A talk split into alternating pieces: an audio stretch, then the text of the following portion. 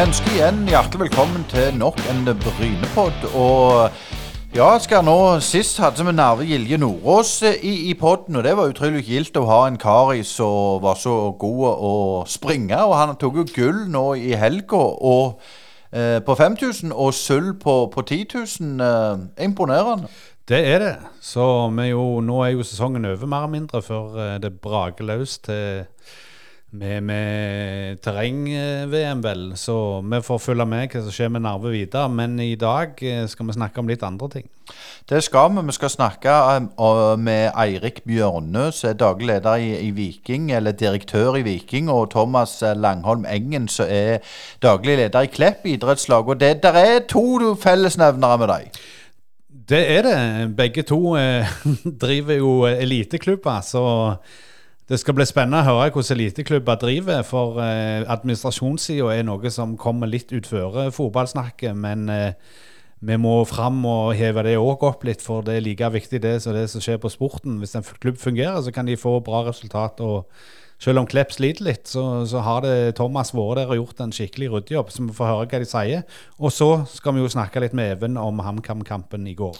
Eh, det skal vi, og så må vi òg nevne det når jeg snakker om likhet. så er det begge veldig unge. Altså Eirik er jo 30 eh, år, og Thomas er ikke stort eldre. Og begge kom inn tidlig i fotballen, unge. Så det skal bli spennende å høre. Men uh, først nå så er det Even med litt analyse etter kampen uh, mot HamKam. Ja, Da har vi med oss eh, Even Sel fra Hamar eh, rett etter at Bryne har tapt 3-0. Eh, og Even, var det som forventa i dag, eller var det under pari? Nei, Vi forventer jo aldri å tape 3-0, det gjør vi ikke. Men vi visste at vi kom til å få en tøff kamp, at Hamar kan være et godt lag. Det viste de i dag. Men vi hadde absolutt håp om å få en bedre prestasjon og få et bedre resultat. Det hadde vi. Den straffesituasjonen, har du fått sett den opp igjen? Eh, det så noe billig ut, og da er jo kampen litt inn i feil spor ganske tidlig. Nei, det er ikke sett. Nå er det bare noen minutter til kampslutt, så den har ikke satt meg ned og sett på ennå. Men det, det, er irriterende at vi havner under 200 etter 11 minutter. Vi får en fin start med en fin kontring der som kunne utnytte bedre. Ender med Meinert skyter. Så har vi noen cornerer, får litt trøkk på dem, så vi føler vi kommer inn i det rette sporet. Og så er jo HamKam effektive og gode. og Skårer vel på skikkelig første store sjansen. Og så unødvendig at de får straffe 2-0. Da, da, blir det vanskelig. Det gjør det. Iallfall når det blir 3-0 til pause. Men eh, det positive er jo det at vi ikke faller helt i sammen i andre omgang. Det er vi fornøyd med. At det ikke blir 5-6, eh, at vi faller helt i sammen. For det er fort gjort. Og målforskjellene kan fort bli viktige til slutt. Så det at vi hever oss i andre omgang, det, det må vi ta med oss. Så var det jo godt å se at de innbytterne som kom inn, kom inn og bidrar med, med positiv energi og gjør mye bra. Ja, det var litt det som var min eh, neste spørsmål òg. For det er klart en kunne kunne jo falt litt i sammen. det er klart HamKam er et svina godt lag. og, og eh, Personlig så tror vi i Brynepodden at de går rett opp. Og, og det er jo en styrke at en klarer å holde 0-0 og skape en del i andre omgang òg. Ja, det er det. Det er det absolutt. Så offensivt syns ikke det, det er spinngal i dag. Det er det ikke. For vi har noen fine muligheter i første omgang òg. Hei har en stor sjanse der. Vi har noen uh, kontringsmuligheter som vi kunne utnytte bedre. Uh, andre omgang er tre friske og vi får skapt litt. Grann. Men det er du sier, HamKam er gode, de kommer til å rykke opp. Så det er ikke det, de lagene der vi konkurrerer med per nå.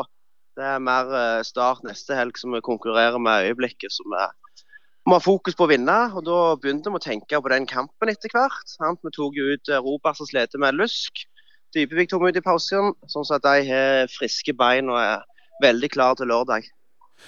Eh, du sier at eh, målforskjellen skal, kan bli viktig. altså Det er jo en liten sånn realitetsorientering at den er i bunnstriden. Men, men en del feilpasninger sånn i de siste kampene. Er det noe med at laget er inne i den eh, fasen de er, at konsentrasjonen er litt sånn mm, på, på, på knivseggen for tida?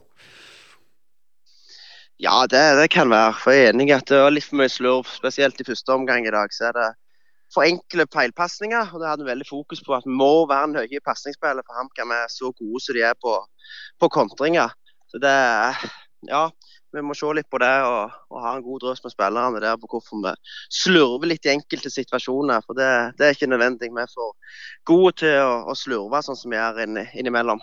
Siste spørsmål, Even. Hvordan ser det ut med guttene med tanke på startkampen? Det, nå fikk vel eh, eh, Romslo det et, et, et, et, kort der med å støve, ellers så ser det, ser det greit ut? Ja, det gjør det. Eh, det har vi snakket om i pausen. at det, Nå må vi bruke hodet, ikke pådras noen dumme gule, røde kort. Kristoffer uh, Hei er i faresonen, så han, etter han lagde to frispark i andre omgang, så fant vi ut nei, vi må ta han ut. Han skal spille på lørdag, blir viktig da. Så da tok vi han òg ut.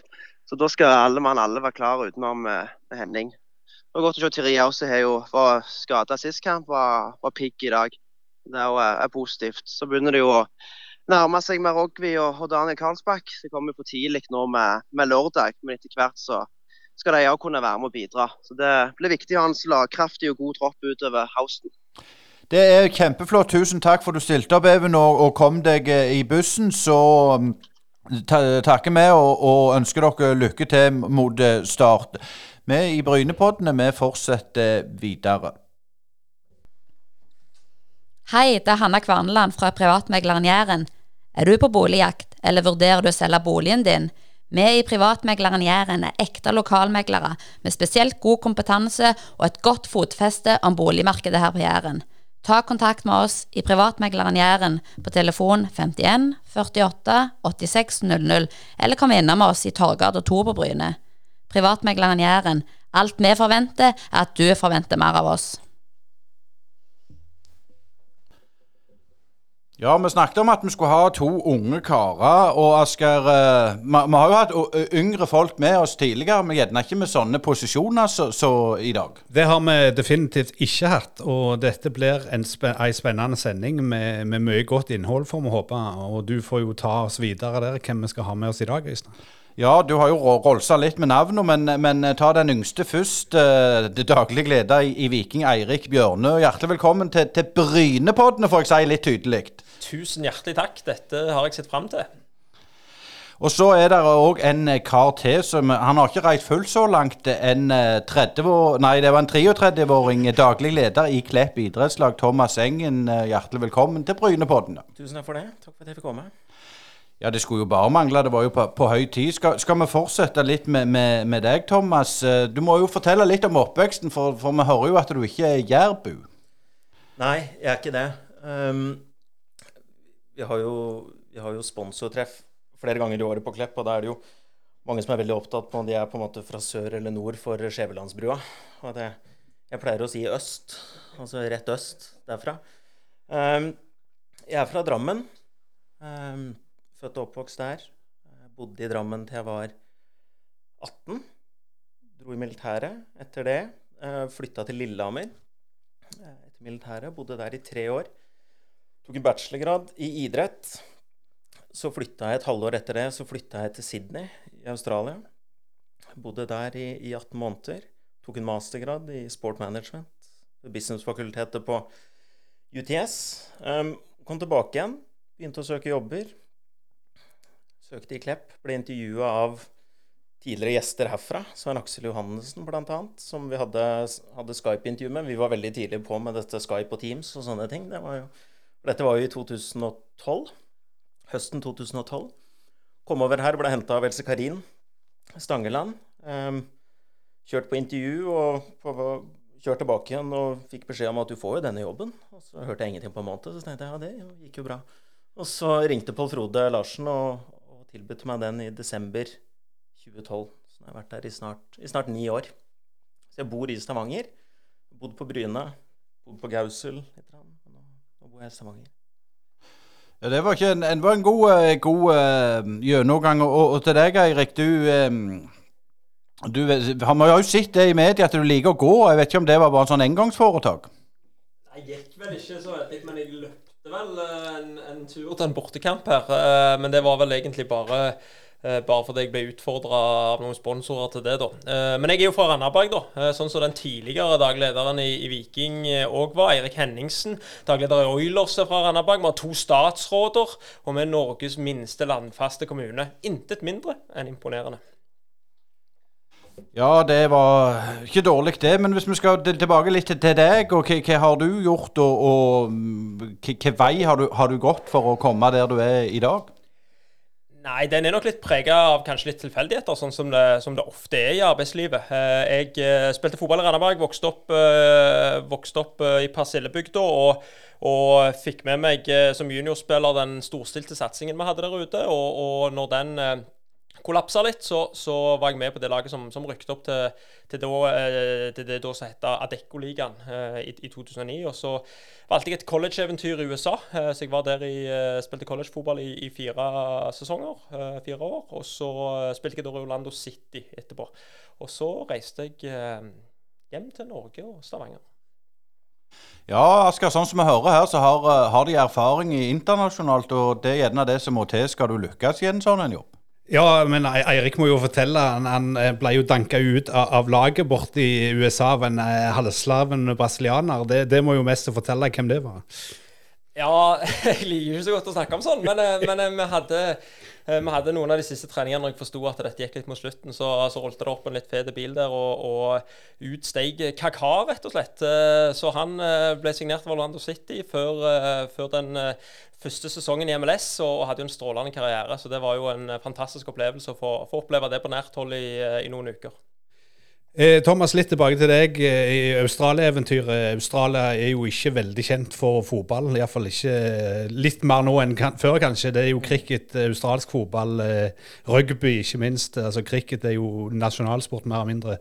Verdensmestere og, og, det som er. Mm. Eh, når du studerte sportmanagement i Sydney, altså, var det noen lærdommer du høsta fra litt andre sportskulturer som du drog med deg tilbake til Norge, føler du?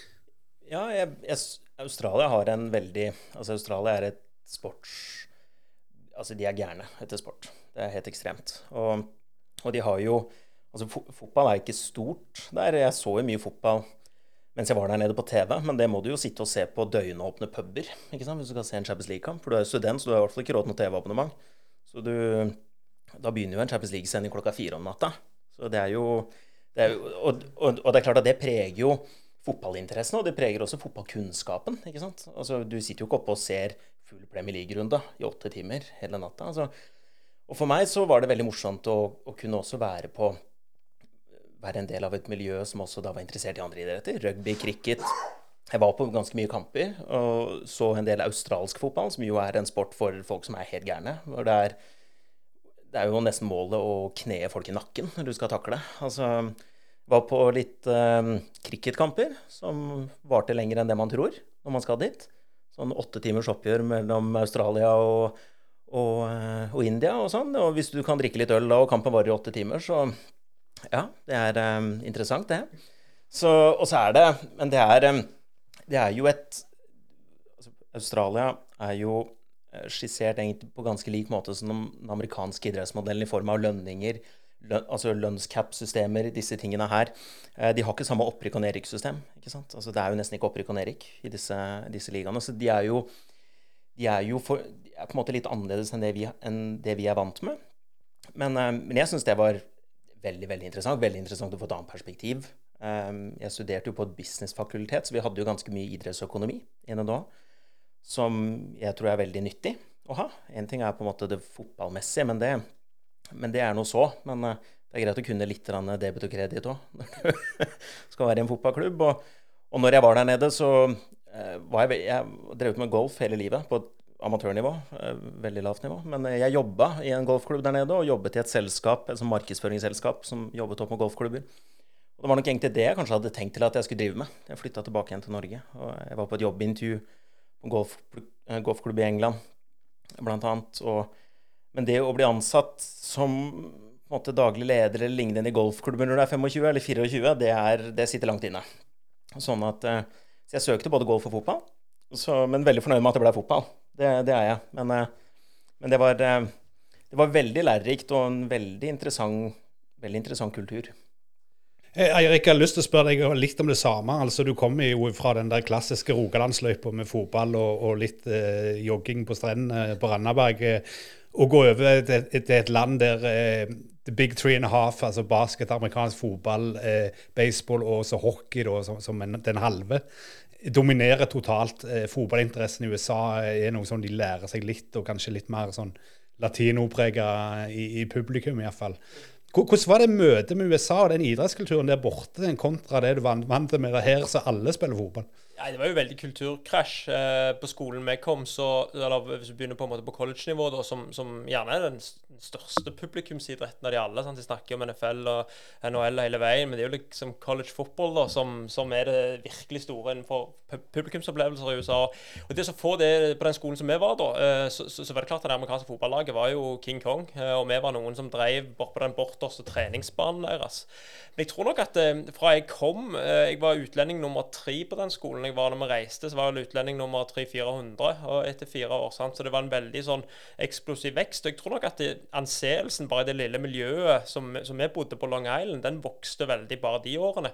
Og hvis man ser nå de siste årene òg ser du at fotball har fått en sterkere posisjon der borte. og Det som er veldig interessant, det er jo at de har skifta eh, litt fokus i rekrutteringen sin. Eh, og det tror jeg at eh, om fem, seks, syv, kanskje ti år, så vil man se en veldig stor effekt fra det. Fra tidligere å hente spillere som Kaka og Beckham og disse, så er de nå ute i markedet for å hente yngre og bedre landslagsspillere kontra de spillerne som bare er på toppen av karrieren og skal trekke opp interessen.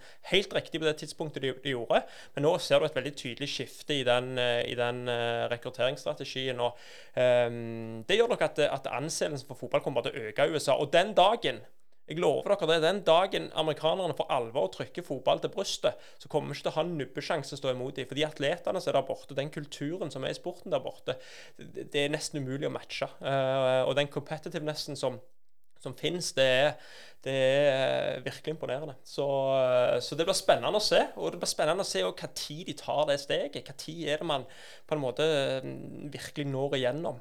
Eh, for da, blir eh, amerikanerne spennende. Eh, det er jo en del unge talent fra, fra Rogaland rundt forbi Eigersund, Bryne, Stavanger sikkert òg, som fyller den samme løypa som du gjorde. Eh, kan du si noe om nivået i collegefotballen kontra det du er vant med her? Og det er veldig vanskelig å svare på. Mange som spør. Eh, jeg spilte jo i samme conference som, som uh, hovedtreneren Viking Morten Jensen gjorde bare noen år før meg. og vi har noen diskusjoner om det. Det er en helt annen type fotball. Sant? Det er liksom det første du må begynne med. Det er lite skolert. Det er et sinnssykt tempo, og så er det omtrent frie bytter. Og når man har det på en måte fra du vokser opp og egentlig helt til du blir proff, så blir du eh, oppdratt i at tempoet er ekstremt mye høyere i kampene. Og man kan bare bytte ut eh, kantspillerne og de sentrale midtbanespillerne etter 20 minutter, for da har de tømt seg, og så setter de inn igjen i pausen.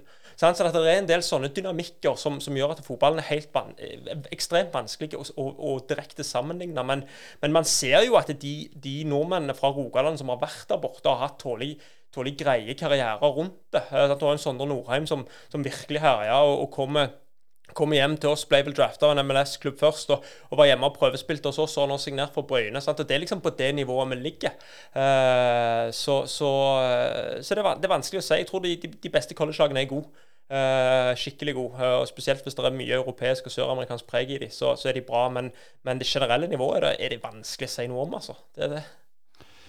Eh, litt sånn til, til, deg, Thomas. Eh, når du begynte i, i Klepp, eh, hva, slags klubb var det du kom til? En historisk klubb. Um, og det var jo tydelig fra dag én. Um, da jeg begynte, så var man jo i gang med planleggingen av å legge om til kunstgress på Klepp stadion. Uh, det, mitt første år, da, 2013, så, så, hadde vi vel det dårligste dekket i, i, serien. Siden den gang så har vi jo fått uh, kunstgress der. Vi har fått to nye kunstgressbaner på sentralidrettsanlegget. Så vi har hatt en veldig vekst på anlegget. Og så var det meg og en til som var fulltidsansatt. Eh, og så hadde vi en 60% til. Og så kom Elfin Lea rett fra ordførerjobben til å være med og få litt orden på markedsarbeidet. Um, nå er det eh, syv-åtte ansatte som kommer på jobb hver dag i full stilling. Så det har vært en vekst der. Um, en del av det har vært som følge av at vi har økt omsetning. Men en annen har også vært at det har kommet en del prosjektstillinger via Fotballforbundet. Som er sånn strekker seg gjerne over fem år. Um, som har gjort at det er jo en helt annen organisasjon. Vi holder på med et stort tilbygg på stadion nå. Litt av det er jo å bygge flere kontorer, rett og slett for at vi, vi, trenger det. Um, vi har ikke noe mål om å vokse inn i himmelen. Altså, vi har det veldig fint sånn som vi er nå. Men det er en veldig annerledes klubb enn det det er når jeg kom. Det er ikke pga. meg, men, eh, det er, eh, men jeg tror det jeg tror det også viser litt av utviklingen i kvinnefotballen. Og så har vi, har vi jo hatt en, eh, også en stor vekst på sponsorsiden og sånne ting, som er takket være Einar Braut, markedssjef, som gjorde en fantastisk jobb. Eh, jeg vet jo økonomien når du kom var vel heller ikke den beste. Og du sier jo at du ikke har, har, har eh, så mye innvirkning på det. Det, det er jeg ikke enig i. Men det, men det er noe så altså du, Jeg vet du har gjort en vanvittig jobb og snudd skuta. Men hvis du skal sånn nå etterpå, er det noen sånne visse ting som du tok tak i med en gang så du så at dette må vi gjøre noe med? Altså, vi var jo i, i denne røde sonen. Til, til, Fotballforbundet, for de som ikke kjenner til den, så er det jo en rød, en gul og en grønn sone. Hvor åpenbart den grønne er, er den beste sonen. Og der var vi, vi var godt plantet med begge beina i den røde. Jeg måtte levere inn handlingsplan og sånne ting. Og så merka man det jo veldig godt på kroppen på det som man ofte da gjør i idrettslag, og det er likviditeten. Vi hadde en elendig likviditet, og vi slet veldig sportslig òg. Og det er klart, når du må inn i en garderobe og gi beskjed til en spillergruppe at uh, hvis du ikke har huslån, så kan det ikke bli lønn. Ikke sant? Du har folk på kontoret som går uten lønn, jeg gikk uten lønn. Du gjør det over en, en, periode. Det er ikke noe dramatikk i det, men det er ikke, det er ikke hensiktsmessig i en organisasjon. Og det blir ikke noe bedre humør. Altså, det, det, det, er ikke noe Nei, men, og, blir, og, ting blir vanskelig. Men så er jo Klepp er jo en, en institusjon Klepp IL er en institusjon i Klepp kommune. Altså for all del. Og og um, det er så veldig lett å si, i hvert fall når det har gått fra dårlig økonomi til bra, og så si sånn Ja, så kom jeg inn, og så bretta jeg opp ermet, og så gjorde jeg sånn, og så gjorde jeg sånn. Det er jo selvfølgelig ikke det som var tilfellet. At jeg kom inn og så nå skal vi gjøre dette, og så skal vi snu det. Selvfølgelig var det ikke det. Det var en del forskjellige grep. Den aller viktigste jobben som har blitt gjort, den har blitt gjort fra Eina på sponsorarbeidet. Og Elfin, Lea, gjorde også et fantastisk grunnarbeid med å strukturere hvordan vi skulle, hvordan vi skulle selge oss selv som produkt. Um, vi hadde sponsorfrokoster på, på Klepp stadion. Da måtte vi hanke inn folk fra hovedstyret, så vi skulle fylle opp litt i rommet. Så vi ikke skulle se hvor, hvor få det var. Eh, nå, nå, har vi ikke hatt et sponsortreff på Klepp stadion på fem år, for vi har ikke plass til å være der. Vi har treff nå på torsdag, der er vi 60 mann.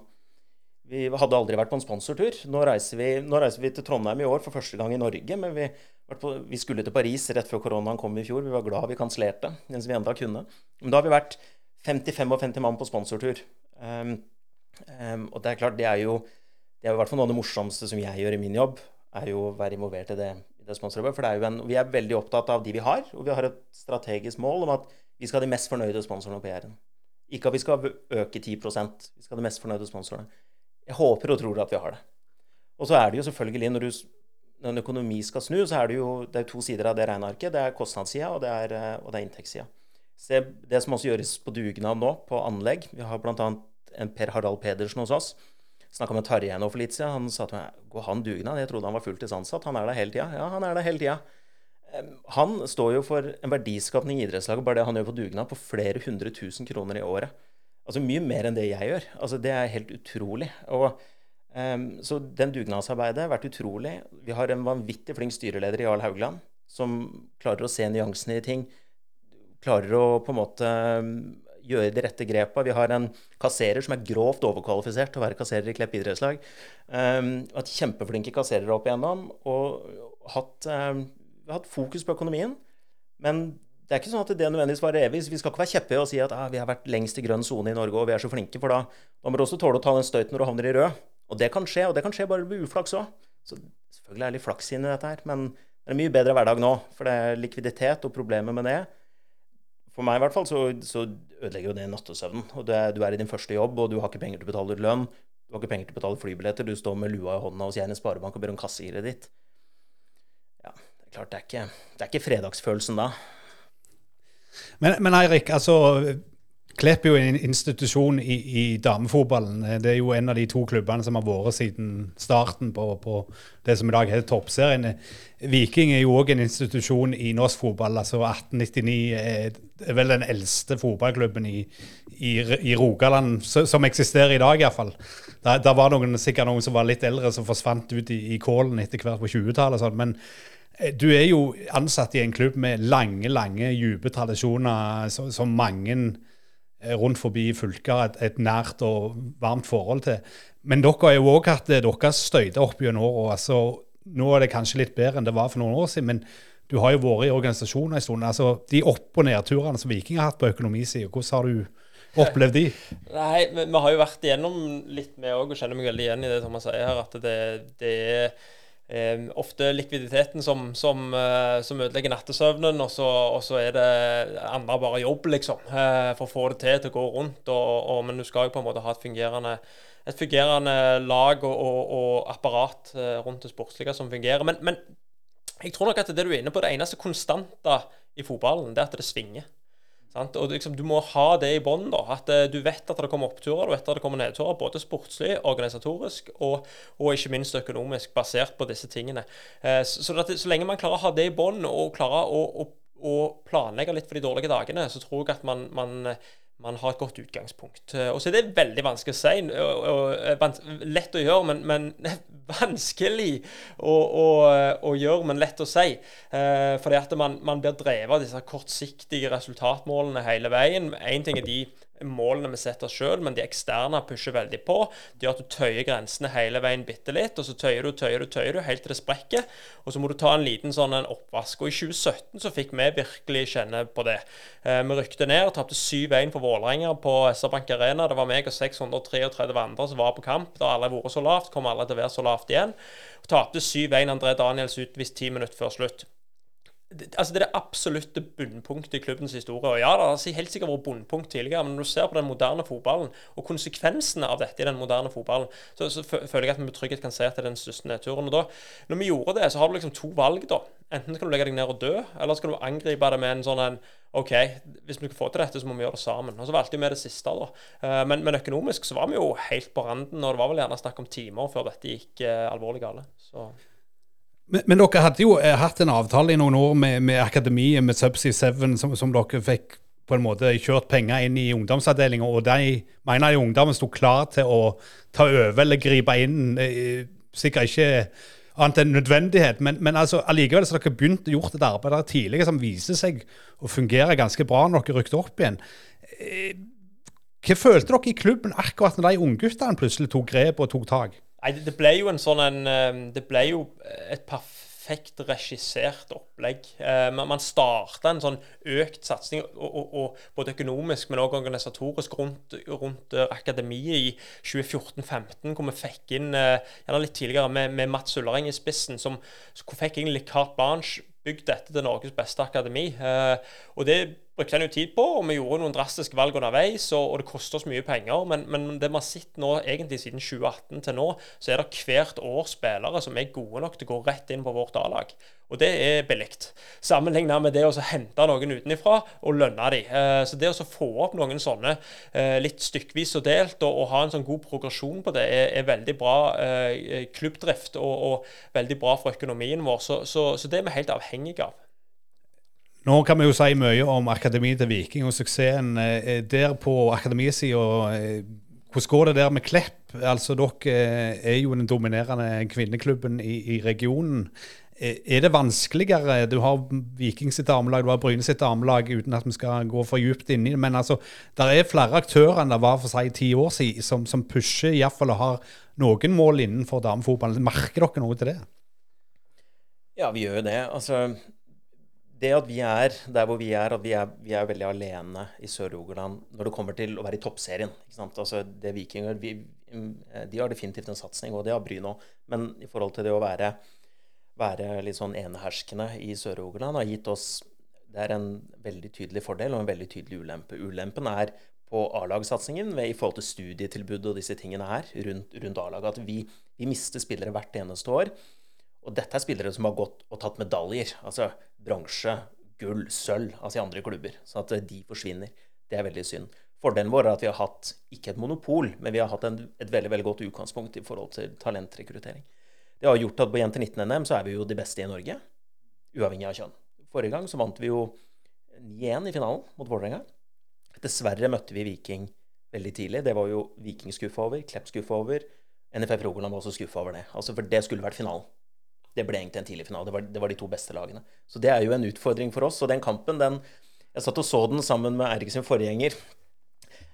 Jeg var pissenervøs den kampen der. Jeg tenkte dette her er en viktig kamp, altså. Og så, og så ble det 1-0 til Viking, og så tenkte jeg fy fader, nå er det så kjørt. Så, og så heldigvis så snudde vi det. Og det var vel en tidligere Vikingspiller som hadde kommet over til oss, som skåra. Så på samme måte så var NM-cupkampen som vi hadde mot Viking nå på senior, var også ganske viktig for oss. Også fordi vi har slitt veldig i toppserien i år. Så var det en viktig kamp å vise at vi kan faktisk vinne fotballkamper. Men vi ser at det er en profesjonalisering.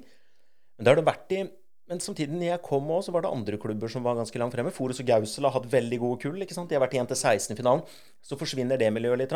Jeg vet ikke hvorfor, men jeg tror det er veldig drevet ofte av enkeltpersoner. Og det er det selv nesten helt opp til kanskje ikke Klepp, men det er også i ganske mange store klubber så er det drevet mye av ildsjeler som står bak. Som ofte har egne barn, men ok, de er fortsatt ildsjeler for hele laget.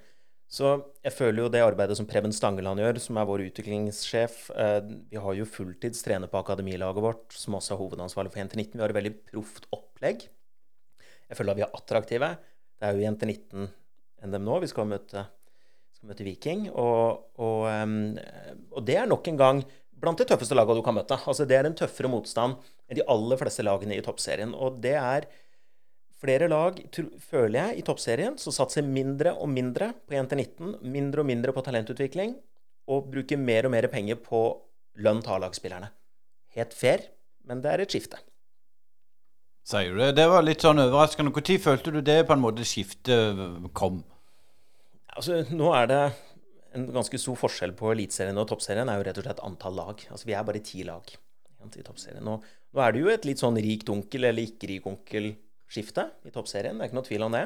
Um, når, når, Klepp vi, I 18 og 19 så fikk vi sølv og bronse. Og alle syntes det var fantastisk. Det syns jeg òg. Men realiteten så var nok vi på topp fire på budsjettabellen òg. Så det var sånn, ja, Vi presterte kanskje litt over, men vi var innenfor hva skal du si, feilmarginen. Altså, det, var ikke noe, det, det var ikke noe sjokk når vi uh, tok sølv det året, så hadde vi et så godt lag at flere lag som nå er i toppen, hadde glatt bytta sin startelver mot vår. Uh, nå er det sånn at det er vel sånn at når Trondheimsøren gikk fra å hete Trondheimsøren til Rosenborg, eller de la ned og ble til Rosenborg, så har det vel gått fra 4 millioner i budsjett til 20 millioner i budsjett. Eh, mens Klepp har 7-8. Og det er klart Skal du konkurrere mot de klubbene Og det gjelder de klubbene som er i toppen nå. Skal du konkurrere mot dem, så er du jo veldig avhengig av at de gjør en veldig dårlig jobb. Problemet er at mange av de som jobber der, er kjempeflinke. Så de gjør ikke en dårlig jobb.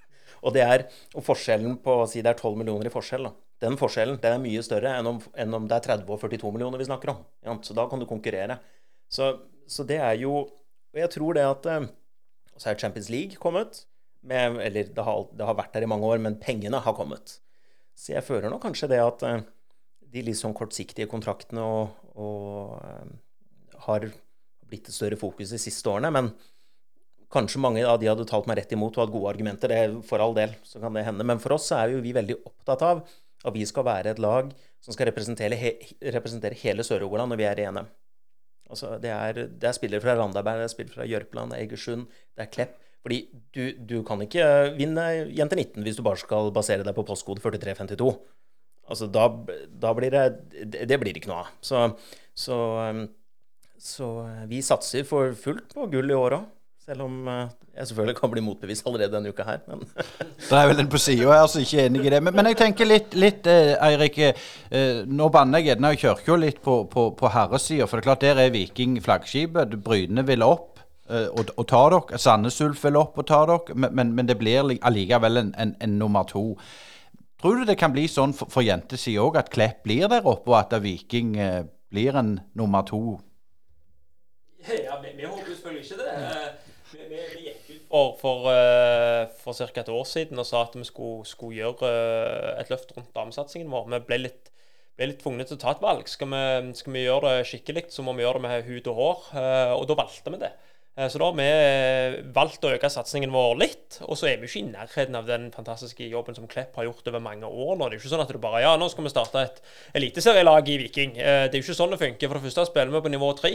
Det må vi inn over oss. Og, men det gjør skrævlig mye bra arbeid i Viking rundt damene. Den gjengen som er der og har vært der i mange år, har nå gjerne fått litt flere virkemidler på veien mot å bli bedre, for å knappe inn det forspranget. Og så er jo vi òg der at vi må bygge stein på stein. Vi, vi kan ikke bare hoppe inn i noe som vi ikke har kontroll på. Vi er nødt til å få med oss økonomien på veien. Vi, vi har definitivt valgt, valgt stien om å, å, investere ressurser i og rundt lagene, kontra det å store lønninger til enkeltspillere for å få hjem noen eller for å gjøre sånn og sånn. og sånn.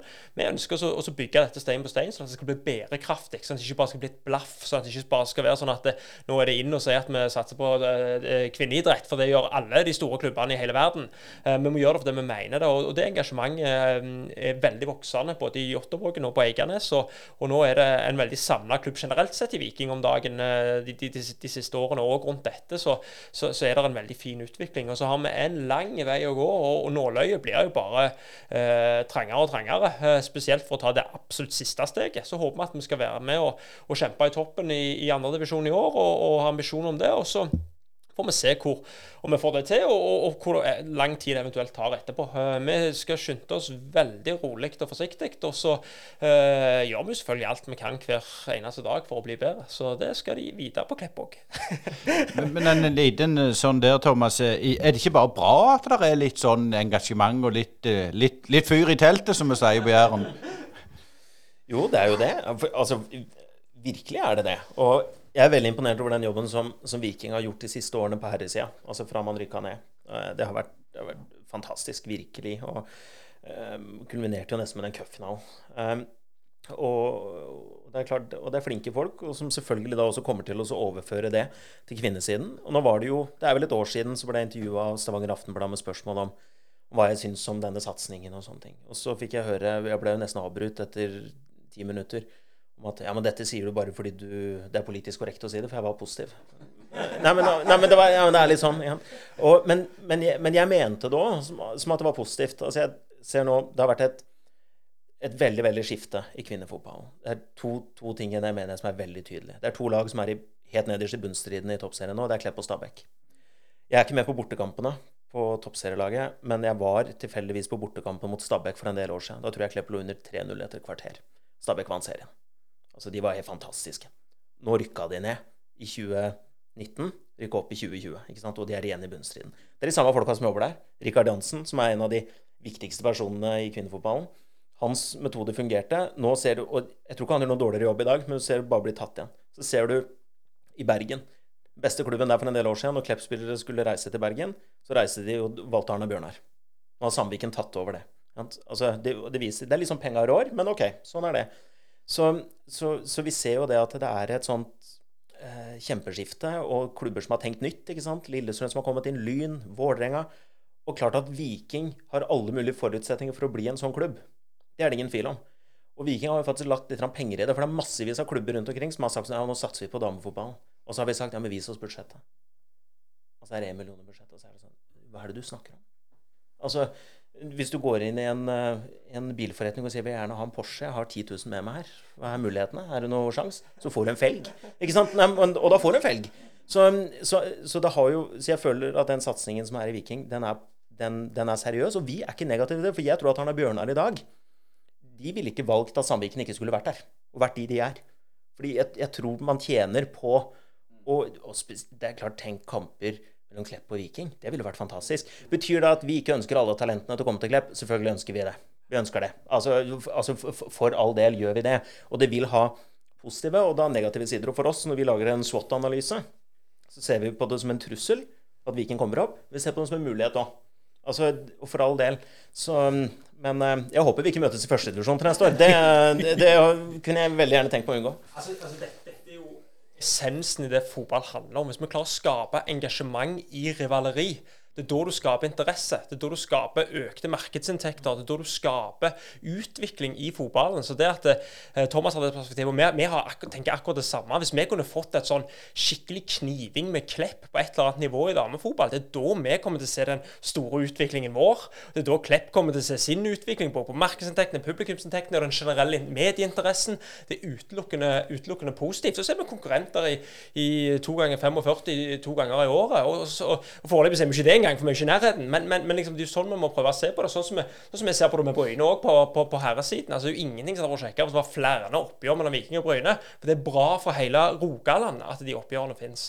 Og så er det jo alltid sånn at vi taper mot Bryne på Bryne. Eh, så at de kommer i cupen, det skulle vi ønske vi å fortsette å unngå. Men, men, eh, men, det er jo akkurat det fotball handler om. Det er følelser, engasjement. Og, og har vi det, og klarer vi å bygge det i, i, i, i kvinnefotballen òg, så, så, er det eh, sky's the. Altså. Men, men, det som jeg tenker at For meg at fotball norske fotballverdier ikke handler om, det var om Viking skulle ha tatt over Avaldsnes. For det er for meg feil vei å gå. Altså, for det blir å det blir sånn at penga rår på en kynisk måte. At da bare kjøper man en plass. Og, og, så det har vi vært kritiske til. Det har vært veldig kritiske til. For det er klart, som jeg har sagt, mange av fotballforbundet sa til meg ja, men de ligger jo i nærheten. Nei, du må skifte til båt. Du må først kjøre bil, så må du ta båt, så må du kjøre bil igjen. Altså, det er ikke, det er ikke nærheten. Så jeg må si at det er jeg glad for at det ikke ble noe av. Eller i hvert fall foreløpig. For men vi ønsker Viking velkommen den tradisjonelle veien. Den ønsker vi den velkommen. Men eh, apropos Eirik, vi skal ikke dvele så mye mer med det i dag. Men, men allikevel, eh, du snakket om rivalisering. Eh, Viking har jo vært enerådende i ganske mange år. Sandnes var oppe og lukta bitte litt en kort periode. Men nå i Rogaland så er det jo bare FKH. Hvordan er rivaliseringen deres mot FKH? Det har ikke tatt like mye av som de gamle Bryne-Viking-oppgjørene og den slags, har det det? Det har ikke tradisjonen med seg. Det har ikke de der følelsene fra 60-, 70-, 80-tallet. Det er de vi lever på. Det er de dere lever på. Liksom, du må ha med deg det i bånd. Det må være genuint og ekte. Og er det det, så blir det mye sterkere enn noe som er nyere. Eh, og så er det klart at FKH eh, har irritert oss mye, og kommer til å irritere oss enda mer framover. Eh, men så er det liksom i de der, de der minuttene når vi, når, vi, når vi, spiller mot hverandre. Og det er vanvittig bra for norsk fotball at det er sånne type oppgjør. Og det at vi kommer her, var vel i 2018 vi røyk her i cupen. Er jo en tragedie at vi røyk her i cupen. Virkelig. Men fy fader, så gøy. At det var kamp på Bryne igjen, og at det var følelser rundt det. Og så var vi så forbanna, og vi er fremdeles skuffa at det går an. Uh, men det er liksom det fotball dreier seg om. Det er det fotball handler om. og Det er vi nødt til å bare underbygge enda mer. og Supporterne våre må være med, klubbene må være med, for, og spillerne ikke minst. Og Gjør vi det, da vil fotballen i Rogaland løfte seg. Eh, Thomas her sa, sa, jo det at han eh, styrer en organisasjon på rundt åtte, var det det, Thomas? Eh, men, men, kan du si litt om organisasjonen deres i Viking? For det er ikke noe vi hører veldig mye om. Vi vet dere har en eh, gammel Ulf-spion inni der med Kjartan Salvesen, men, men, men, altså utover han, altså, hvor mange folk er det du har med å gjøre i, i, i det daglige? Kjartan Salvesen han vant Idol i 2004. Det, ja. ja han, bare for å plassert han. Uh, nei, du, vi, er en, en administrasjon uh, Eh, på, på fem-seks stykker som jobber med administrative ting. Eh, marked og, og økonomi og, og, den typen oppgaver. Og så har vi et akademi med en 12-13 mann, og så har vi en god gjeng rundt A-laget vårt, og så er det en gjeng på Eiganes. Og totalt sett så favner Viking ganske stort og bredt. Eh, så, så det, det, er nok en litt annen størrelsesorden. Men, men det, det er òg liksom markedskreftene som rår. sant? Altså, det, det er en klubb med, med, med lange tradisjoner og i, i, en, i en, bransje som, som, det har vært mulig til å bygge over tid. Da. Så, så eh, vi, vi, er en veldig god gjeng, og vi har fått med oss Lars Peder Nagel fra, fra Oilers. Vi har Børge Nilsen som, som, har vært i, i, i Viking i, i, 100 år, var en tur i Oilers og er tilbake igjen. Og, og det at det er så mye gode krefter som brenner for Viking eh, hos oss nå, det gjør at, eh, at det samspillet i Ottovågen, og, og ikke minst på Eiganes fungerer veldig bra. Eh, men hvordan er organisasjonen? Altså, du er jo nå, er det, nå vet jeg mest ikke sagt tittelen, det, for det, er ikke så lett med disse titlene. Men, men, det er jo fotballsatsing, og så er det uh, toppfotballsatsing. Fortell litt om hvordan det er organisert. Ja, vi, vi har jo, uh, vi har jo uh, breddeklubben vår på Eiganes, Viking fotballklubb, som er vår barne- og ungdomsavdeling. Den er jeg nå dagleder i. Det var Erik Nevland dagleder leder fram til tirsdag. Uh, da ble han sportssjef hos oss i Ottavågen. Og så har vi gjort en liten omorganisering rundt det. Ikke noe dramatikk i det, men det er i etterslepet etter, etter, den saken med Bjarne Berntsen på slutten av fjoråret, så måtte vi gjøre noen justeringer, og, og da er det en av de. Så, så der har vi en barne- og ungdomsavdeling med rundt 1000 medlemmer, og så, og så har vi en elitedel på, på, på Jåttå hvor det er elitelag fra 15 og opp til og med junior- og rekklag. Eh, som er vårt akademi. Så har vi breddelag på Eiganes òg i, i, de årskullene, på, kall på baksida. Så, så, så vi, vi, favner ganske bredt både i bredde og topp, men det er jo ofte toppen de snakker veldig mye om. da. Eh, men det er en veldig stor klubb òg på Eiganes som gjør en fantastisk jobb. og Der med Bengt Sæternes som, som spillerutvikler for, for kvinnene, bl.a. André Danielsen er der, og Morgan, eh, Mats Morgan Gamstad er der. Og, og, det er klart at det er en, en god gjeng der som, som, som, driver dette på en god måte. Og som har investert litt på, på kvinnesiden der oppe. Så eh, ja. Det var egentlig det. Eh, du har jo studert eh, sportsmanagement, eh, Thomas. Eh, det har vært veldig mye rart i, i norsk fotball, altså både på dame- og herresiden når det gjelder økonomistyring og å styre en klubb. Har du gjort deg noen tanker om det før du begynte i Klepp, og, og etter du kom inn i klubben og begynte å kjenne fotball-Norge litt bedre enn det du kanskje gjorde fra, fra utsida når du var yngre? Ja, altså når jeg søkte i Klepp, så jeg var jo litt overraska over at jeg fikk jobben, men så fant jeg ut at det var jo ingen andre som søkte. Det, det var en annen. Han fikk jobben, så drakk han seg. Så, eh, så sto man ned med meg. Og jeg skjønner jo litt av grunnen var jo da at veldig mange visste jo litt hvordan den økonomien var.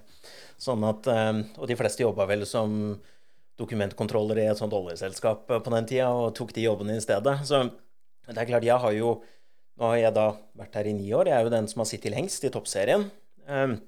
Og, og, har jo sett veldig mange komme og gå.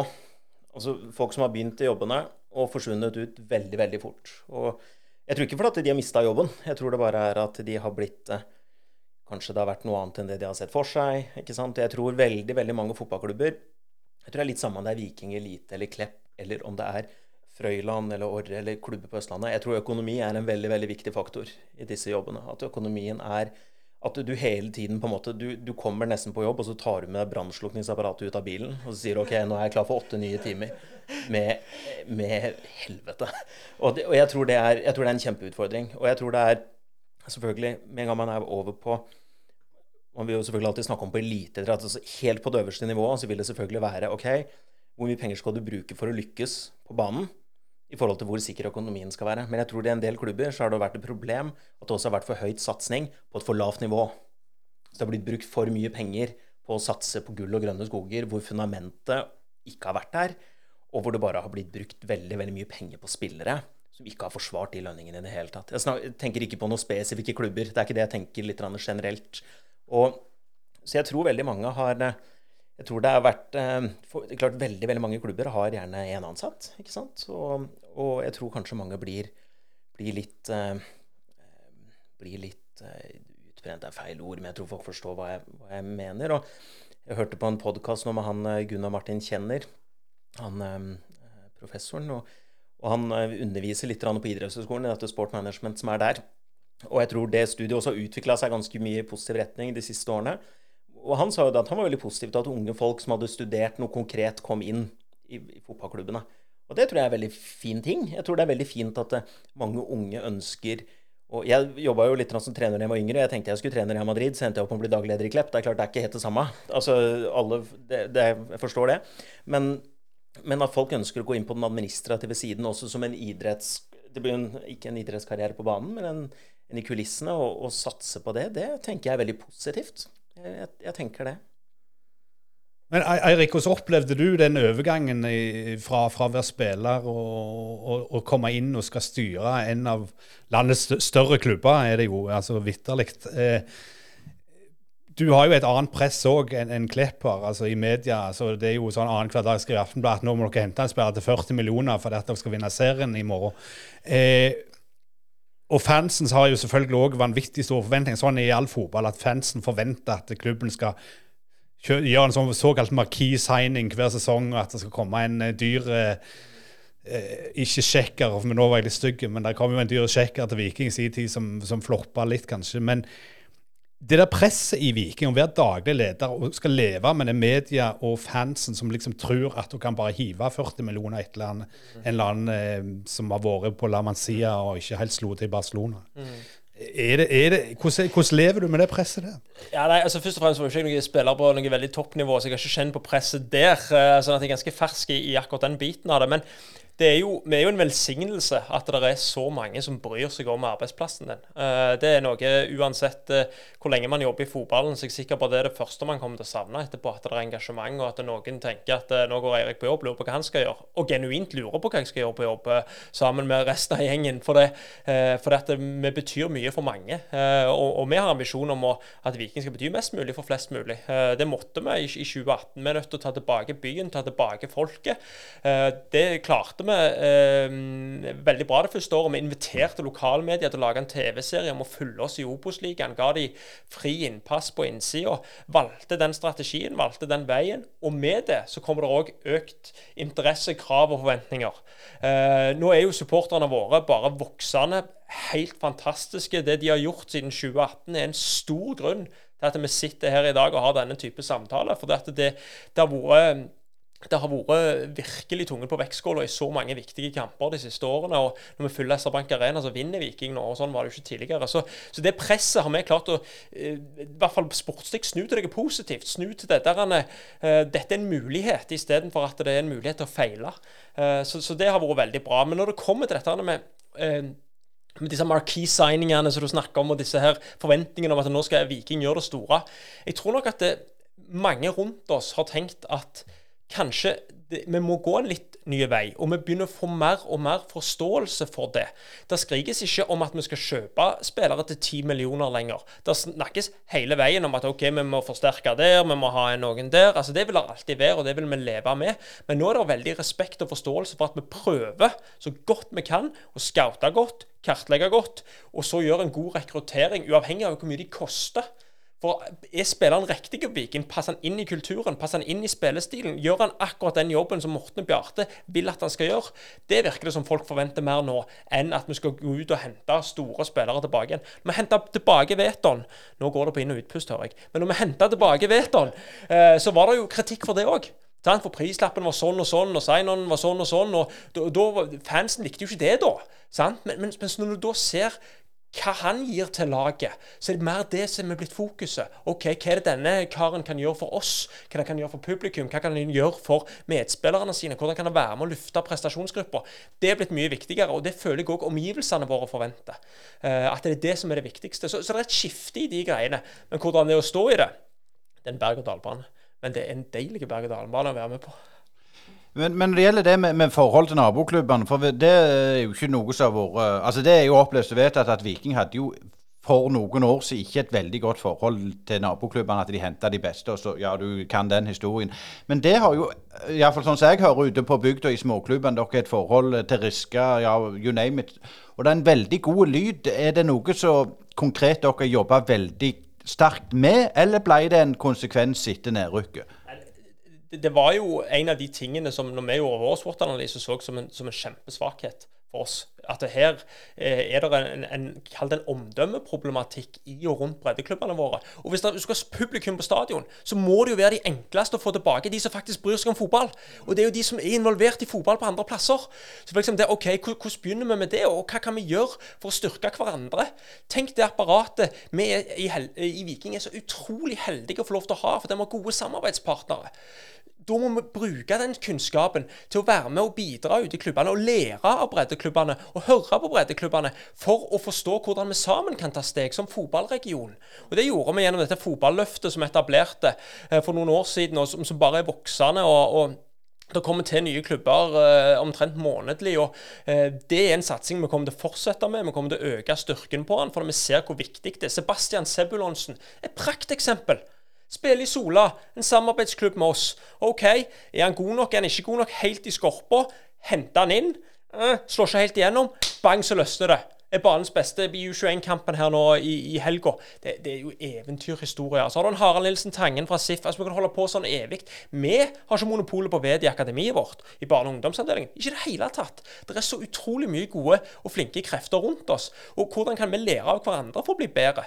Hvis det kommer noen fra en breddeklubb for oss når vi er ute en gang i uka i, i hver eneste breddeklubb, uh, gjennom nesten hele året, så er det jo fordi at det suger til oss inntrykk òg. Hva tenker dere vi kunne gjort annerledes for at vi sammen kunne blitt bedre? Hvordan kan vi utvikle trenere uh, gjennom trenerløftet vårt, hvor vi, hvor vi utdanner grasrottrenere eh, kostnadsfritt for klubbene, for å kunne være med å øke kvaliteten? Selvfølgelig fordi at ungene seks-syv år, og man, man, man, kan påvirke det i en mer positiv forstand. Men, men, det er jo ikke noe poeng for oss å gå rundt og hente åtte-tiåringer. Det er jo ingen som tjente med det. Alle, det. det. blir bare en sånn dynamikk som vi ikke ønsker i fotballen. Vi vil hente dem når de er gode nok. Og for at de skal bli gode nok, så er det ve veldig mange ulike måter å gjøre det på. Henrik Heggheim er fem år. Han spiller sin første kamp for Viking. Fem år! Og så blir han solgt nå for, for rekordsummer til, til, utlandet. Det, det er jo prakteksempelet, kan mange si. Mens for Christian Thorstvedt som kommer seilende litt på ei fjøl fra, fra Stabæk. Det er òg veldig usikker. Bang! Men så knekker de koden. Så det er så mange veier til rom her. sånn at det liksom, du må bare velge en som du kan stå inne med i, i, i hjertet. Eh, men, men, du snakker om, om, det. Jeg vet òg dere sender ut eh, trenerveiledere rundt forbi klubbene og instruerer andre trenere osv. Men er det noen sånn ubeskrevne grenseopptrekkinger i, i Sør-Haugaland? Altså, det er Bryne sektor, det er Ulf sektor, og det er Vikings sektor. Er det noen linjer der du ikke krysser? Altså, Riska er jo i Sandnes kommune, men du kan argumentere at det var i gamle Hetland som da som da ligger, hørte til rundt Stavanger der. Men, men, altså Er det noen plasser du får bank? ja, det må være her, hvis det Nei, nei altså det, det, vi har vel sagt at vi, vi i oppstarten der nå så skulle vi forholde oss eh, i, i, i nærområdet vårt. Og så, og så, får vi se hva vei dette tar. Men vi har et litt sånn jeg uh, tror det er mange rundt oss som, som, ikke er med, som ønsker å være med. Uh, og, og, så får vi se, se, hvordan vi velger det. Men det er utrolig viktig for oss å være, uh, være snille og greie når vi når vi er ute hos klubber. For det, vi tjente på, på, på, et godt samarbeid med mange, og så må du ha den der, eh, den der eh, fine balansen med, med, med, å utvikle så gode spillere som mulig. Men Thomas, litt tilbake til deg. Altså, I Klepp har det jo skjedd en utvikling. altså Tilbake i, i min tid i Jærbladet så var det jo helst det som var på trenersida, og det var lokale krefter. Spillerne var stort sett lokale. Eh, en eller annen østlending som Birte Hegstad og den slags, hvis du går enda lenger tilbake. Men, men altså dere gjorde en satsing der dere hentet inn en trener ifra, eh, i Olli Harder, var det vel, eh, og eh, satsa på en annen måte. Begynte å hente spillere fra, fra andre land. Eh, kan du si litt om den prosessen og hva som har skjedd i kvinnefotballen eh, angående at dere henter spillere mer fra utlandet? Trenere òg fra andre kulturer, for å si det sånn. Og, og Klepp er jo, som alle vet, er jo ikke verdens største city, liksom. Nei, det er ikke, verden, nei, det er ikke verdens største city. Det er ikke det. Um, vi, vi, må jo tenke, som, som egentlig alle andre, men for Klepp kanskje i enda større grad, så må vi tenke både sånn lokalt og regionalt, og så må vi tenke på hva er det vi faktisk skal putte ut på banen i de 18 seriekampene. Og, og vi har jo prøvd eh, Vi prøver jo å følge den, litt den veien sånn som Viking gjør syns det er veldig veldig fint å høre det som Erik sier nå, i forhold til forhold til naboklubben og sånne ting. Der hadde vi også en vei å gå, faktisk, fra rundt sånn 2014-2015. Så jeg satt på et uh, møte ute på Forus og Gausul og ble skjelt ut etter noter av de som satt der. Og så satt jeg og tenkte faen, dere har jo rett. Shit, jeg blir skjelt ut, men dere har rett. Altså, for da hadde vi rett og slett bare plukka spillerne inn på dette akademilaget vårt og skulle styrke dette 1-19-laget og sånne ting. Og det ble helt feil. Det ble helt feil. Vi ble kjempeupopulære. Det føler jeg vi har klart å snu. Eh, og det har gått med at vi er mye mer ute hos andre klubber og, og sånne ting, og prøver å styrke miljøene der. Så nå har du jo nesten snudd til at eh, det er de som kommer med spillerne til oss. Så Men det var litt sidespor. Men jeg følte det var viktig å si det, for jeg føler at det er veldig, det er veldig, mye, veldig mye, det samme. Um, så har det jo vært sånn at jeg henta jo Eller jeg henta klubben har henta, men jeg har jo selvfølgelig vært med i den prosessen av å hente trenere. Og det starta med Jon Palmason fra Island. Han var jo første utenlandske treneren som vi henta.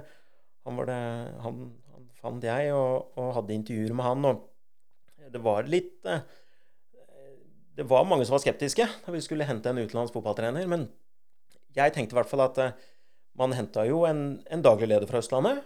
Og vi henter jo spillere fra utlandet. Og det bør ikke være noen grunn til at vi ikke skal hente trenere fra utlandet. Ikke fordi de er utenlandske og det skal være så fancy. Fordi Island er ikke, er ikke så eksotisk. Det er det ikke. Men, men, men det er noe sånn at um, det er ikke, Men det er allikevel en liten verden, og da hadde vi en ung trener som hadde lyst til å satse og hadde lyst til å komme til Klepp. Så var Jon kom inn. Vi, jeg, det var en suksess. Altså, vi gjorde det bra. Um, så Jon var der i, i tre år, var vel Jon hos oss. Um, Og så kom jo Ollie inn som hans assistent uh, i full stilling. Det var første gang vi da hadde to fulltidstrenere. Men han var også da trener for akademiet. Så tok Ollie over. Var hovedtrener i tre år. Fjerdeplass, en andreplass og en tredjeplass. Det var jo også en suksess. Da henta vi jo fra så langt unna som det går an, New Zealand. Altså det er jo um, Og så tok jo da Nick over igjen, ikke sant. Og, og, og, med Nick så kom jo da Nathan, som er fulltid hos oss nå. Så vi har jo hentet inn bare egentlig utenlandske trenere. Um, ingen i Vi har ikke henta noen av dem fordi de er utenlandske, men det har vært en Men for oss har det vært en Vi har rett og slett sett på hvem er de beste kandidatene. Og så er det selvfølgelig noen språkutfordringer noen ganger, og sånne ting. Og, og, men nå har vi Ove Salvesen, som gjør en fantastisk jobb, og vi er kjempehappy med han. Og, men um, i forhold til spillere så har vi jo hatt Kleppa ofte hatt et par utlendinger, men så har det økt litt mer og mer. Og vi har jo gjerne hatt en fem utenlandske spillere. Vi skulle gjerne at, at alle de var norske. Det er mye rimeligere.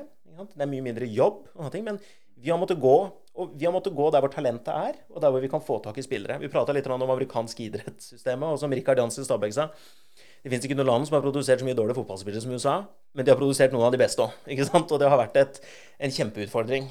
Du um, Men vi har etter hvert også klart å få et ganske godt internasjonalt nettverk med folk vi stoler på, i forhold til agenter som faktisk opererer med alles interesse, som vi har brukt. Eh, vi har et, heldigvis et veldig veldig godt rykte blant utenlandske spillere, og de prater sammen.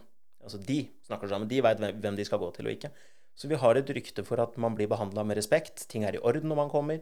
Disse tingene her, og og selv om noen har sagt at ja, det burde vært flere lokale spillere, og sånn og sånn, så eh, Og jeg har ikke noe problem med å se de argumentene, men det er klart når vi tok denne sølv og bronsen og sånne ting, så var det ingen som brydde seg om at det var en utlending som skårte det meste av måla. Altså, så, så, og så er det noen klubber som jeg kanskje tenker har henta litt mange, når man har henta 12-13. Jeg syns kanskje det er i overkant, men samtidig, det har vært måten de har gjort det på. Det er helt fair. Jeg skal ikke sitte og si at nei, det burde ikke gjøre det sånn. Det, men, men, tilførte disse ut, utenlandske trenerne fra Island, New Zealand osv. Tilførte de noe nytt i treningskultur og, og, rundt sporten, føler du? Ja, det føler jeg også. Jeg syns det er veldig fint det med også, Hvis du får ned folk utenfra, så ser du ofte litt nøyere på hva du selv gjør. Ikke sant? Hvis, du, hvis alle har operert på samme måte hele veien, så er det jo litt sånn at uh, da er det veldig veldig greit at noen kommer inn med, som ikke har noe Som ikke har noen historie som ikke har noen særlig kunnskaper om. Det kan være en positiv ting. At å ja, dere gjør det sånn, men kanskje vi heller burde gjøre det sånn.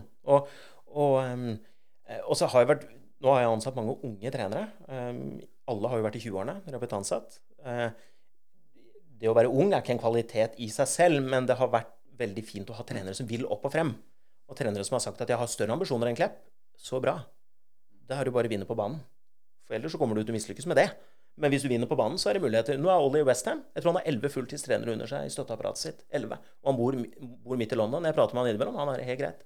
Så det har vært veldig fint. Og han ga en sølv og en bronse til Klepp. Tusen takk. Hjertelig. Eh, vi tar en øl neste gang du er i Stavanger. Helt flott. Så det ble ikke noe Westham-tur på deg, altså, Thomas? Siden du sa Stavanger Nei, nei, jeg tror invitasjonen har forsvunnet i posten, og det er selvfølgelig veldig merkelig. Eh, så nei, jeg har ikke, jeg har ikke planlagt det. Men eh, jeg prata med han nå for ikke så lenge siden. Han skulle inn i land, inn, prøve å komme inn i Norge igjen for å få fullført denne Uefa Pro-en. Så og vi har, en, har et veldig veldig godt forhold. Veldig godt forhold med Jon, veldig godt forhold til Nick. Og det er jeg litt opptatt av bare på sånn personlig plan. Jeg ønsker å ha et veldig godt forhold til alle som har jobba hos oss. Og, og syns det selvfølgelig er Nå ble jeg ringt opp av BBC nå i forrige uke, for de ville ha noe mer info på Ollie, for de skulle lage en sak om ham. Så tenkte jeg fantastisk. Helt utrolig bra. Du har virkelig tatt store steg. Og Ollie, han kan han har den X-faktoren som gjør at han, hvis han bare jobber hardt nok, så kan han lykkes på det høyeste nivået som bæres igjen. Eirik, dere har jo gått litt eh, motsatt vei. altså dere, eh, Viking har jo hatt eh, sin, sin, del av utenlandske trenere gjennom historien. Bjarne først, og så på en måte ungturkerne som, som tar over. Eh, lokale folk, Hundvåg og Sola er det vel. Så dere har liksom gått tilbake litt til, til røttene til Rogaland. Er det noe bevisst, eller er, er det, hva tenker dere rundt det? Nei, altså, altså Igjen så starter det med, med 1-7 Vålerenga 2017 og 625 tilskuere, eller hva det var for noe. Det er der det begynner. Uh, fordi at det, man, man, På det tidspunktet så måtte man velge. Uh, man hadde ikke økonomiske muskler til å fortsette å hente spillere fra utlandet. Omtrent alle spillerne var på utgående kontrakt. Men så passet det så vanvittig bra med det Eirik sa, så veldig klokt at Viking skal bety mest mulig for flest mulig. Og For å få med flest mulig, så må du involvere flest mulig. Og til flere som føler seg involverte, um, til bedre er det. Og, og, og, for å få folk med, så var vi avhengig av å få med lokalmedia, var avhengig av å få med publikum. Og for å gjøre det, så, så, så var det bedre å gjøre, uh, og helt riktig å gjøre. Alt var helt riktig med å hente inn Bjarne først. Uh, ha med seg to uh, unge, ambisiøse trenere fra regionen. En klubblegende, en lokal fotballegende som, som går i skoene hans, som, som, var klar til, til å overta, overta før, før, årets sesong. Og på veien så hadde vi òg på veien så hadde vi òg veldig mange gode, unge lokale spillere som ble henta hjem. Vi har fortsatt å hente noen hjem. Og så har vi den ambisjonen om at vi skal ha 50% lokale, 30% nasjonale, 20% internasjonale. Og nå har vi 60% lokale spillere i stallen vår. Det er helt fantastisk. Og så er vi gjerne eh, litt unna på det nasjonale, men så er vi akkurat der vi skal være på det, på det, på det internasjonale. Sånn at det, eh, vi, vi, har en, en, en, grei sammensetning, men vi er òg nødvendig å gjøre det, og det var riktig å gjøre det. Og, og eh, vi er jo utrolig stolte av det. Og, det at, og ikke minst at det kommer så ufattelig mange spennende opp bak nå, som gjør at vi kan fortsette med dette. Eh, forhåpentligvis eh, så, så, så, lenge vi, så, lenge vi, klarer. Men, men Eirik Bjørne, når du ble ansatt i, i Viking som eh, daglig leder, og, og, da var det vel eh, 28 knapt eh, Jeg husker jo den uh, mest sagt seansen, så tenkte jeg litt sånn oi. har du fått en del sånne, sånne oi? Eh, altså Når du kommer inn der som, som unge og ambisiøse, altså dyktige og, og, alt det der, det er det jo ikke tvil om. For, det, det, det, sier jo CV-en, så det forstår jeg jo. Men, men, men, fikk du en del stygge blikk?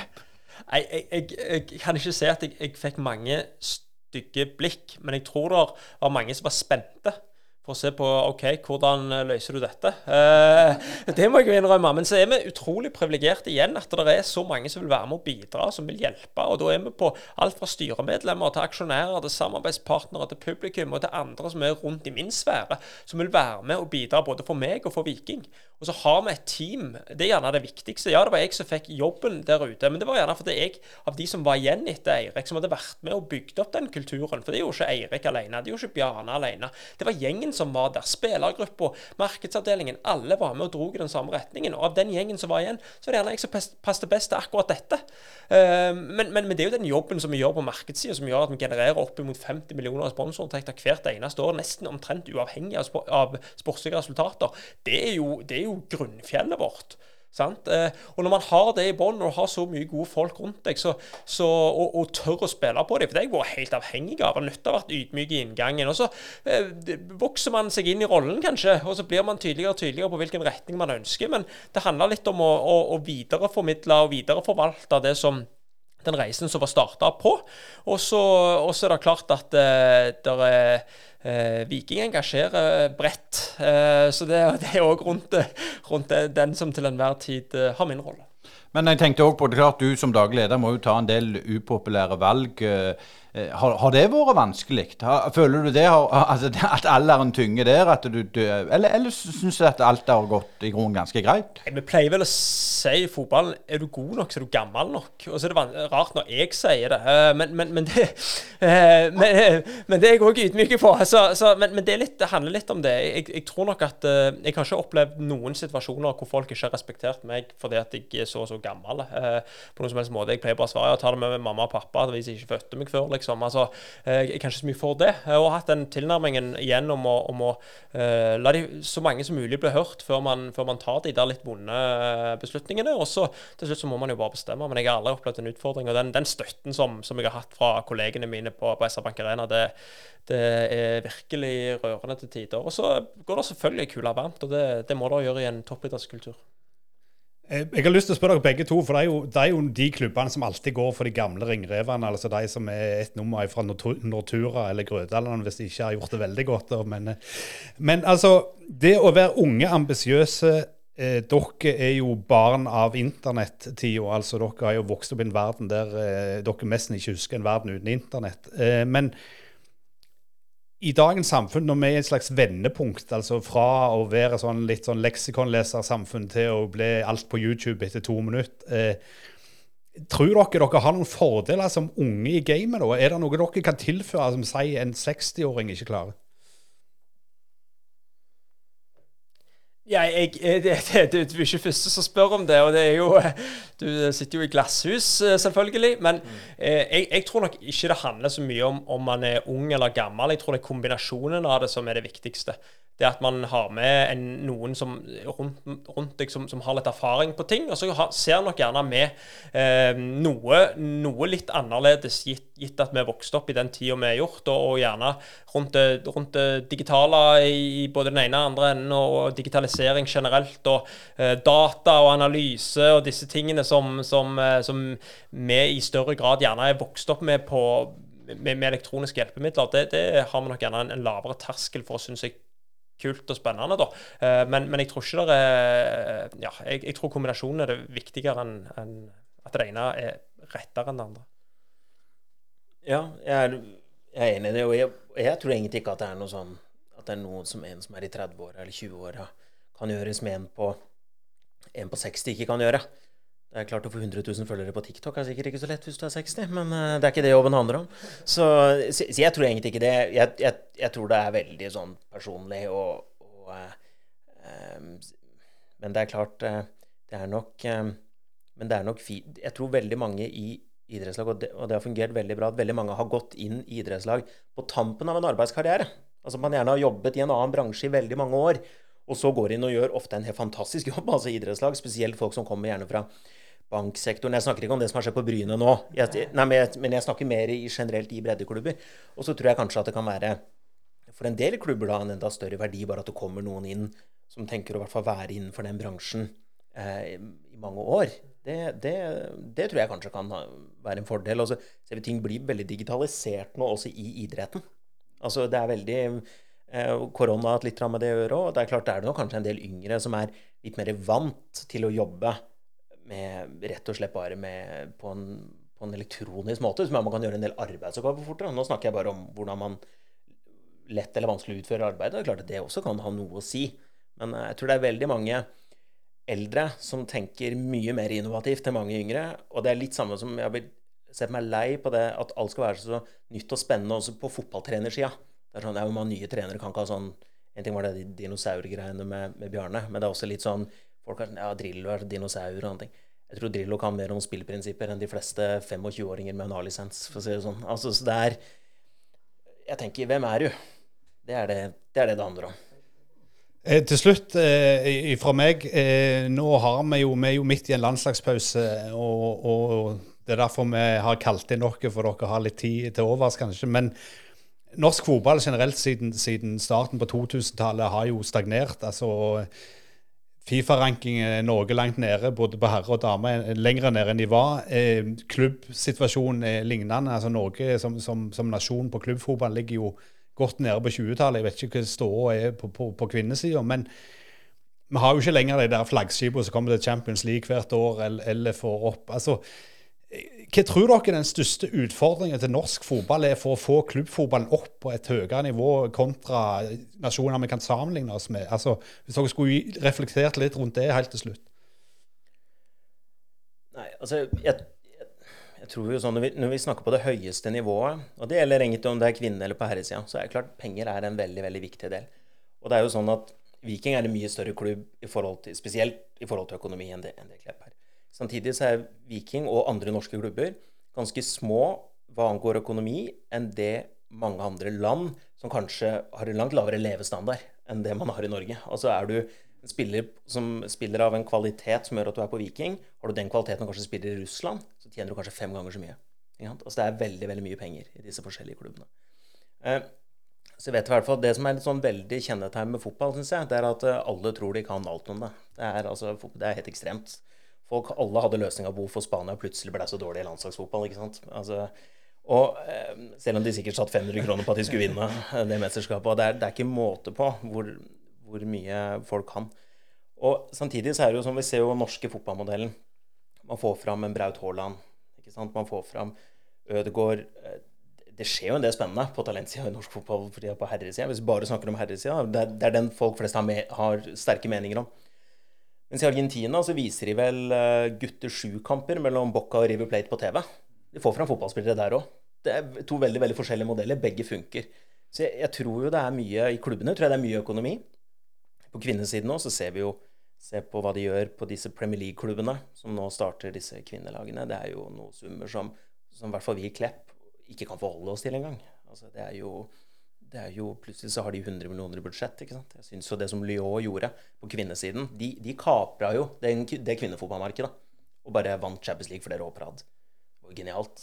Altså, Brukte sikkert mindre penger enn det enn lønnen til han som tjente mest på herrelaget. Så jeg tror jo og det er jo en sånn faktor som ikke nødvendigvis er så veldig veldig lett å gjøre noe med. Jeg har ikke så veldig tro på de som står på tribuner og sier vi må spisse, vi må spisse, vi må satse, vi må satse. Ehm, jeg tror at de som blir gode, jeg tror de blir gode uansett. Ja. Jeg tror at det er også en plass til en bredde. Og i hvert fall i Norge, hvor så mange klubber er på små steder. Er små lokalsamfunn. Og det er så mange som skal, skal satse, og det er eh, Og jeg tror det går veldig utover mange Veldig mye fotballglede hos de som kanskje ikke blir best. Og jeg, jeg, tror ikke det er det som hindrer at, uh, hindrer at, vi kommer langt. Jeg tror det er viktig at klubber som Klepp og Viking, om det er på herre- eller damesida, jobber systematisk og langsiktig med de, med de beste spillerne. Uh, ikke nødvendigvis fra de er ti år, for det tror jeg ikke noe på, men uh, fra de er gjerne 15-16 år. Legger til rette for at man kan trene så mye som mulig. Um, og gode trenere. Flinke trenere fra ung alder. Det kan gjerne være foreldre. Det er ingenting som er i veien med å være forelder. Jeg tror Mourinho har barn funker greit. Han har sikkert greit som foreldretrener. Så, så jeg skjønner, Det var sikkert ikke noe svar på spørsmålet, men det må være greit at én ikke har fasiten på det i fotball. Ja, jeg tror jo først og fremst hvis du knekker den koden, så, så, kan du vel få begynne å jobbe akkurat hvor du vil. Uh, for det er jo et veld, veldig komplekst uh, spørsmål. Men, men jeg, jeg, jeg, henger med bare på mye av det Thomas reflekterer rundt. Det, det er veldig mye gode og riktige tanker. Og så tror jeg at det hjelper, når vi ser på landslaget vårt nå de siste kampene, at du har spillere nesten utelukka elveren som spiller i de store europeiske ligaene. Og Det gjør at anseelsen generelt sett kommer til å bli høyere, og våre spillere vil bli opplevd som bedre. Om det er rettmessig eller ikke, så vil nok få en økt interesse. Men hardt arbeid over tid, den jobben som er gjort med akademiklassifisering, at vi bygger dette så godt vi kan over så lang tid som mulig, det gir de stimuli fra de unge til de blir gamle, så kan det plutselig bli fotballspillere av alle. Eh, til slutt så går vi jo inn i, i høstsesongen. Eh, nå er det jo money time, som de sier i USA. Eh, har du noen tanker om, om, hvordan det vil gå med Klepp i år, og du Eirik om Viking til slutt? Altså, det er eh, Fotball er jo veldig greit, for man trenger ikke så veldig mye mattekunnskaper for å lese en tabell. Det er 0, 1 og 3 som er faktorene. Alle ser at Klepp er i kjempetrøbbel. De er i kjempetrøbbel. Og uh, Lyn vant jo nå mot Avaldsnes i helga. Vi fikk jo tredje gang på rad er kampen vår utsatt pga. smitte. Ikke hos oss, men um, vi skulle jo spilt en skjebnekamp borte mot Stabæk. Um, som kan bety enormt. Um, så Klepp er i uh, Vi tror vi skal holde oss. Det ser ut på treningsfeltet som at vi skal holde oss. Uh, for jeg syns det jobbes bra. Vi har vært uheldige med skader. Det, så ærlig må vi være. Vi må få lov til å si det. men det er Nå står vi med vi står med begge beina godt planta i nedrykksstriden, og, og, det er vi alle klar over. Og så må vi bare jobbe knallhardt. Og går det ikke veien, så må vi bare ta konsekvensen av det, som Viking gjorde når de rykka ned, og jobbe oss opp igjen. Men uh, det skal uh, ja, det skal uh, smelles til på Nadderud altså når vi skal spille den kampen der. Det, det bare må det. Så, så får vi se. Ja, vi, vi, har jo satt oss i en, en, veldig fin situasjon inn mot høsten, syns vi. Eh, vi ligger litt sånn i utfordrerposisjon bak de tre-fire øverste lagene. Eh, det kler oss godt at vi kan jage litt eh, og, og kjøre litt bakfra. Og så får vi se hvor, hvor langt det holder. Det, vi har et veldig tøft program i september. Men kom oss, vi kommer oss godt gjennom, godt gjennom august. utrolig gledelig. Og så, så, får vi bare se, se, hvordan det utvikler seg. Jeg har stor tro på at vi, at vi skal henge med en stund. og det, alle, det, det, er jo alle disse, både Obos-ligaen og Eliteserien, lever jo sitt eget liv fra år til år, fra kamp til kamp, og det var veldig vanskelig å forutse. Men vi er fornøyde med overgangsvinduet. Vi fikk, eh, vi fikk eh, oppfylt guttedrømmen til en av våre egne, og så samtidig som vi fikk eh, beholdt noen key players. Så, så, vi er optimistiske, og så er det sånn i Viking at når man blir for optimistiske, så går det fort andre veien. Så, så det har vi òg et avslappa forhold til. Nei, men det er utrolig stas å ha dere på besøk. Og jeg må bare si tusen hjertelig takk til Eirik Bjørne og Thomas Engen for dere tok dere tid til å stille opp i Brynepoddene. takk for at vi fikk komme. Hei, det er Hanna Kvarneland fra Privatmegleren Jæren. Er du på boligjakt, eller vurderer du å selge boligen din? Vi i Privatmegleren Jæren er ekte lokalmeglere med spesielt god kompetanse og et godt fotfeste om boligmarkedet her på Jæren. Ta kontakt med oss i Privatmegleren Jæren på telefon 51 48 86 00, eller kom innom oss i Torgard og Tor på Bryne. Privatmegleren Jæren. Alt vi forventer, er at du forventer mer av oss. En lang og god prat der med både Even og eh, Ikke så lang, men allikevel. Vi hadde en prat med Even, og en lang prat med Thomas Langholm eh, Engen fra Klepp og Eirik Bjørnøy fra Viking. Og Asgeir, hva, hva tok du med deg fra, fra denne podden? Ja, kanskje to hovedting. Det, det, er jo, det ene er jo det at eh, kvinnefotball og herrefotball er jo to forskjellige verdener med tanke på budsjett og ressurser. Eh, Men den jobben som Thomas har gjort i Klepp, den har jo gått litt under radaren. og En fascinerende type som vet hva han snakker om, og som kommer fra utdanning i Australia, har papir papirer i orden og vet hva det går i å styre en idrettsklubb. Så han er jo en spennende kar. Så får vi se hvor lenge vi får beholde han her på Jæren. For det virker jo som han har eh, potensial til å, å gå til større klubber om han vil det etter hvert. Og, og Eirik var òg fascinerende å høre på, for eh, han, han sier jo sjøl at eh, han har vært med i en prosess før han begynte å bli daglig leder òg. Og, og det er spennende å høre på hva de driver med inne i Stavanger. Og det er jo, man må være så ærlig og si at det er noen mil ifra Bryne og, og sånn som står her ute. Men, men litt tilbake til, til Thomas der. Det er klart det er en som jobber utrettelig over lang tid uten å, å, å gjøre de store krumspring.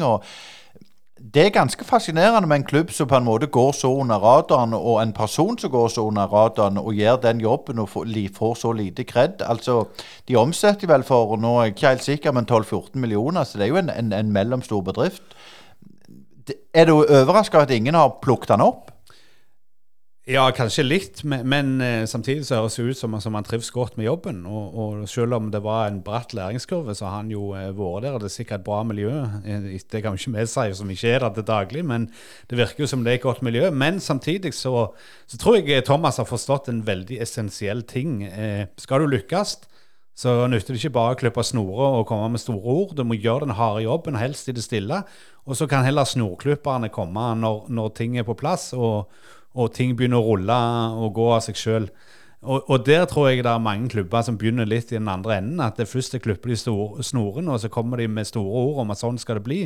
Og så lykkes den ikke med det. Og, og der tror jeg Thomas er faktisk ganske eh, Om ikke unik, så er han iallfall noe ukjent i, i det som jeg kjenner til fra, fra fotballen i Rogaland. Eh, når det gjelder Eirik, så er, så er det òg en fascinerende kar å, å høre på. For, for Viking har jo kommet vanvittig langt. Og de tok grep tidlig, og òg det at de kunne på en måte flyte på, på et bra akademi når, når de rykte ned i, i Obos og, og, og ting så mørkt ut. Eh, og vi må jo innrømme at Viking per i dag de er jo med i topp sju i, i, i Tippeligaen og, og har kommet mye lenger. Så lærdom å hente de karene, det er det utvilsomt. Og var, jeg synes det var skikkelig stas å få de ut til, til studio her eh, på TU. Og, og, og det er klart de er konkurrenter og har litt glimt i øynene. Og det er viktig det at selv om en er fiender i 90 minutter, så er jo dette kompiser og, og utveksler erfaring utenom de 90 minutter. Det, det skal vi være litt sånn opptatt av i framtida òg. Det skal vi absolutt, og jeg tror det er mye lærdom å høste rundt. Og det er mye småkonger som sitter rundt i de forskjellige klubbene. Men en må begynne kanskje å tenke litt i det større bildet om hva som samler, hva som kan forbedre alle klubbene. For som Eirik Bjørne var inne på, eh, det er jo kjekt med disse lokalderbyene, og, og en klarer ikke gjenskape det med Haugesund, som han sa. Han var ganske ærlig på det. Nei, men det er bra, Asker. Da uh, sier jeg tusen takk for alt på å si at du òg var i, i, i studio, og du skal få siste ordet. Ja, det vi må bare minne lytterne på at uh, på lørdag så er Bryne Start, og vi kommer inn med en liten ekstrasending der etter kampen, så følg med eh, på lørdag òg. Det kommer noen snutter ifra den, og så håper vi at Bryne klarer å reise kjerringa igjen eh, etter en dårlig periode.